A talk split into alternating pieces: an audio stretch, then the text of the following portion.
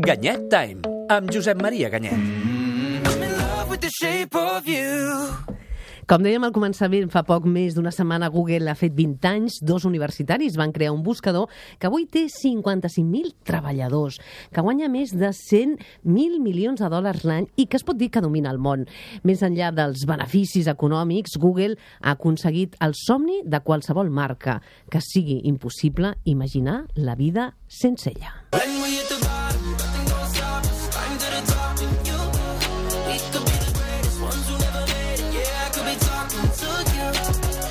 Molt contenta, inaugurem nova secció amb el Ganyet, moment de parlar de noves tecnologies, de tot el que és tendència en línia i de com la tecnologia canvia la societat, de la mà de Josep Maria Ganyet, molt conegut a les xarxes socials. Què tal, com estàs? Molt content, molt bé, i molt content de ser aquí, sí, sí. Jo també, jo també, que amb el Ganyet aprendrem moltes coses. Escolta, estàs d'acord amb el que deia Google? És impossible ja imaginar-nos la vida sense ell. Cada dia el consultem. Sí, eh, és, no és impossible, però has de ser molt militant per eh, viure sense Google. Eh? O sigui, que has de, has de posar molt esforç i molta voluntat. Uh -huh. Fixa't si, si ha entrat a les nostres vides que, per exemple, en anglès Google és un verb. Uh -huh. eh? Tu, Googlejar. Googlejar, també Googlejar. el fem servir nosaltres.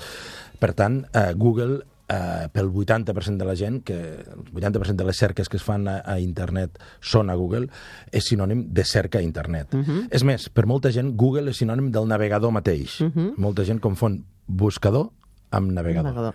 I buscar solucions, perquè jo el consulto per buscar mil coses al dia. Avui per això parlarem de la transformació digital dels estats. Sovint confonem la digitalització amb la transformació digital i hem de dir, als oients, molts dels que ens escolten ja ho saben, però per d'altres no és el mateix. Ganyet. No, eh, moltes vegades cometem l'abús de llenguatge de parlar de digitalització quan volem parlar de transformació digital i a l'inrevés. I té a veure, comparteixen la mateixa arrel, però no és la mateixa cosa. La digitalització és utilitzar tecnologies digitals en processos analògics existents. Mira, eh, el correu, el correu postal, sí. eh, l'e-mail, el correu electrònic, és la eh, digitalització del correu postal. L'aplicació de banc que portes al mòbil és la digitalització de la finestreta. Uh -huh. En canvi, transformació digital és una altra cosa. Té més a veure en els canvis de manera de pensar, de fer i de ser, que no pas amb els uns i zeros de la digitalització. Uh, mira, pensem, transformacions. Transformació, ens vam transformar tots quan vam passar de menjar cru a menjar cuinat, uh -huh. quan vam descobrir el foc. Eh? Sí. Ens vam transformar tots amb el vapor, quan a la nostra força musculària de les bèsties li vam afegir la de pràcticament infinita del vapor. Ens vam transformar com a individus i com a societats amb l'electricitat, uh -huh. amb la computació als anys 60 del segle passat, amb la revolució digital, amb la quarta revolució industrial, uh -huh. ara mateix. Uh, uh, quan ens preguntem què podem fer per millorar un procés amb l'ajut de les tecnologies actuals, estem digitalitzant amb les tecnologies digitals. Això és digitalització. Què podem crear de què- nou? En què ens canviarà? En què ens està canviant, diries, aquesta transformació digital? No, ens està canviant amb tot. O sigui, eh, pot començar, si vols, per mirar al teu voltant, mm. com treballes tu ara i com treballaves abans de que el teu entorn es digitalitzés i eventualment es transformés digitalment, com et relacionaves amb les persones, com tu i jo ens hem conegut. Eh, A com- través de la xarxa, expliquem-ho la- als oients, eh? Sí, sí, a tra- a través de la A xarxa. través de la xarxa i també perquè des de fa anys ens coneixem d'un grup eh, d'internet a Catalunya que va néixer a la xarxa i que quedaven per parlar de, del que passaria a la xarxa en un futur, eh? Per arreglar el món, quedàvem per arreglar el món. Per tant, a- aquesta digitalització, eh, la transformació digital, l'estem aplicant a empreses i organitzacions, n'hem parlat al Revolució 4.0, Mhm. i- però ens interessa saber si els estats eh, són reticents a transformar-se, perquè, clar, és important que l'administració també hi sigui. Sí, els estats, i en general totes les estructures de governança, són reticents a transformar-se digitalment, i no només això, sinó que algunes parts de, de les administracions són reticents a la digitalització. Tenim un exemple, l'administració de justícia, que tot va encara amb papers. Uh, I això és una cosa que jo crec que hem de començar a afrontar. Uh, que Facebook tingui més habitants que la Xina o la Índia, amb els seus dos- 2.300 És veritat, milions sí. eh, d'habitants, habitants entre cometes, eh? Uh, o bé que l'aplicació xinesa WeChat serveixi absolutament per tot, Eh? Si aneu a Xina, aneu a un poblet petit amb una, amb una parada de mercat, podreu pagar amb el mòbil perquè té un, un codi QR estampat allà. Amb una parada marcat amb el mòbil, eh? Sí, ja, sí, sí, sí no, no, es, es salten el sistema bancari, es salten uh, les targetes de crèdit. Les targetes de crèdit ja han desaparegut de facto a, a Xina. Es paga amb el mòbil, no hi ha diners, podeu pagar on vulgueu, fins i tot al poblet més remot. Eh? Uh a banda de l'aplicació WeChat, que serveix per controlar absolutament tota la teva activitat. Eh? I, I això en parlarem un dia, d'aquest estat orwellià que s'està convertint Xina, que és el que es veu més, però potser també la resta. Això ens hauria de fer reflexionar, eh, que aquestes aplicacions o que empreses, les empreses les cinc grans de Silicon Valley, estiguin, estiguin actuant amb un poder pràcticament d'estat, ens hauria de, reflex de fer reflexionar.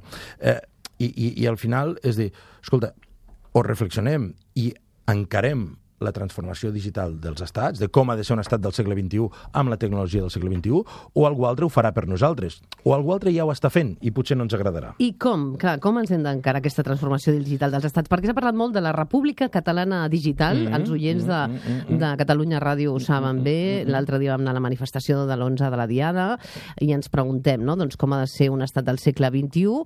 Primer, què em diries? Mm, com ho hem de fer, això? Primer et diria que no és gens trivial, perquè, mm -hmm. Uh, clar, tu encares la transformació no amb la tecnologia que tens ara, sinó que has de pensar de com seràs amb la tecnologia que tindràs d'aquí uns anys, en el futur. Uh, tendim a sobrevalorar la tecnologia, sobretot la tecnologia digital, a curt termini, però sempre la infravalorem a llarg termini. Els canvis que, que ens produiran sempre són molt més dels que ens pensàvem. Recordem al principi de la web. Al principi de la web dèiem ostres, la web que ens portarà el diari a casa ens permetrà fer videotrucades. Eh? Les, les, Internet. Sí, això i, i molt més. Eh? O sigui, ha canviat models econòmics, productius, mm. socials. Mm. Ens ha canviat com a persones. Eh? Ens redefinim d'una altra manera. Per tant, hi ha un repte molt gran amb tecnologies que tenim incipients, com la intel·ligència artificial, blockchain, big data, 5G, de com les utilitzarem per bastir aquest, uh, aquests nous estats. Uh, si ens creiem aquesta frase, i demano perdó per dir-la, que les dades són el nou petroli, Una frase que l'hem sentit moltes vegades en aquest programa. massa vegades, però jo crec que en podem treure a moltes conclusions. És dir, si les dades són el nou petroli, el que no podem fer Mm -hmm. eh, en aquests eh, nous estats digitals eh, basats en la transformació digital és caure en els mateixos errors que hem caigut amb el petroli. Hi ha dos models amb el petroli. El d'Aràbia Saudí, eh, en mans de la família real o en mans d'unes poques companyies, o el model noruec, que crees un fons eh, eh, sobirà amb els teus recursos naturals, del qual eh, se'n poden gaudir tots els habitants de Noruega. Llavors, jo crec que eh, amb la, per exemple, intel·ligència artificial, com deia el Satya Nadella Davos, el president de Microsoft, deia la intel·ligència artificial hauria de ser com l'aigua, eh, que obres i la tens a casa. Ha de ser accessible. Per tant, hem de parlar de repúbliques digitals amb el sentit estricte de la paraula, on els ciutadans siguin realment ciutadans amb els mateixos drets i amb els mateixos accés I- a la tecnologia. I aquí cal copiar Estònia, perquè Estònia és el país més connectat del món, mm Mhm. -hmm. uh, tenen una ciutadania digital al núvol, mm -hmm. on poden registrar propietats, Mhm. votar electrònicament, gestionar el seu historial mèdic, tot això sense cap DNI. Uh, per tant, Estònia dius que um, també és un país amb moltes startups, eh? la més que té més startups per capita del món. L'hem de copiar? A veure, jo és l'exemple més clar que conec, o que coneguem tots, que coneixem tots, de, uh, de digitalització i transformació digital d'un estat. És el que més s'hi apropa. Tant és així que és dir, no només ha digi- digitalitzat l'Estat i la ciutadania, l'ha fet digital, eh, amb unes repúbliques digitals al núvol, eh, amb unes ambaixades, perdó, digitals al núvol, sinó que permet que qualsevol eh, habitant del món, qualsevol empresa del món, pugui operar en territori estoni, en el territori digital estoni, només registrant-se una web. Tu pagues Que fàcil, eh? 100, 100 Quina dòlars, poca burocràcia, que 100 bé! dòlars, tu, tu et registres com a eh, e-ciutadà mm? d'Estònia i pots accedir al seu sistema jurídic, al seu sistema financer, al seu sistema empresarial, a tots els avantatges que té un nacional d'Estònia. Jo crec que el segle XXI va per aquí. Dic, va per aquí perquè és que amb el model d'Estònia per una banda o el model de Facebook o WeChat per l'altra, eh, podem acabar, si no ho fem nosaltres, tenint repúbliques al núvol, que es diguin Facebook, que es diguin Amazon, que es diguin Apple, eh, que segurament no ens agradarà com ens tracten i tindrem la capital mm. a Silicon Valley. Per acabar, hem de dir també qui no li agrada gens això que deies és a Trump, perquè Trump està molt enfadat a Google, diu que les notícies que surten d'ell són dolentes. Es queixa Sí. de que no van bé els algoritmes. Què li passa? Li fan, li fan mòbil des de, des de Google? Trump en general està enfadat amb el món i ara últimament ha pujat un to a aquesta guerra que té amb els mitjans i s'ha encarat amb Twitter, Facebook i ara amb Google. I això és una mica treure el Sant Cristo gros. El que ha fet és que ha fet una mica d'ego surfing, s'ha buscat i ha vist que el 96%, Sí. xifra seva, eh, de les, eh, dels resultats són notícies que no són positives per a ell, que van en contra d'ell i que, a més a més, venen de, de mitjans d'esquerres, segons ell. Uh -huh. Ja, però ell també se les busca, escolta, perquè ell també deixa alguns titulars que... bueno, que... La seva tesi és que Google filtra els eh, resultats i amaga els resultats que li són favorables.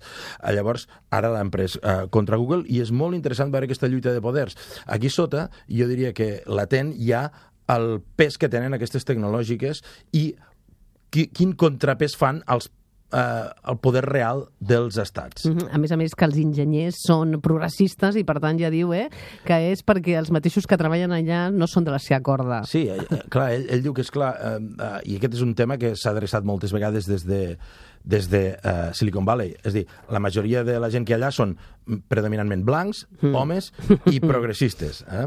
És, és interessant. Jo crec que podríem fer un tema de un dia dels viatges que tenen els algoritmes, de si en tenen, de si no en tenen, eh? i de com els viatges que tenen les societats influeixen finalment els algoritmes. Se'ns ha fet molt curta, queden molts temes per parlar amb el Ganyet aquesta temporada. No us perdeu eh, amb el hashtag Ganyet Time aquesta secció perquè explicarem coses molt i molt interessants. Un petó, Ganyet. Abraçada, adeu.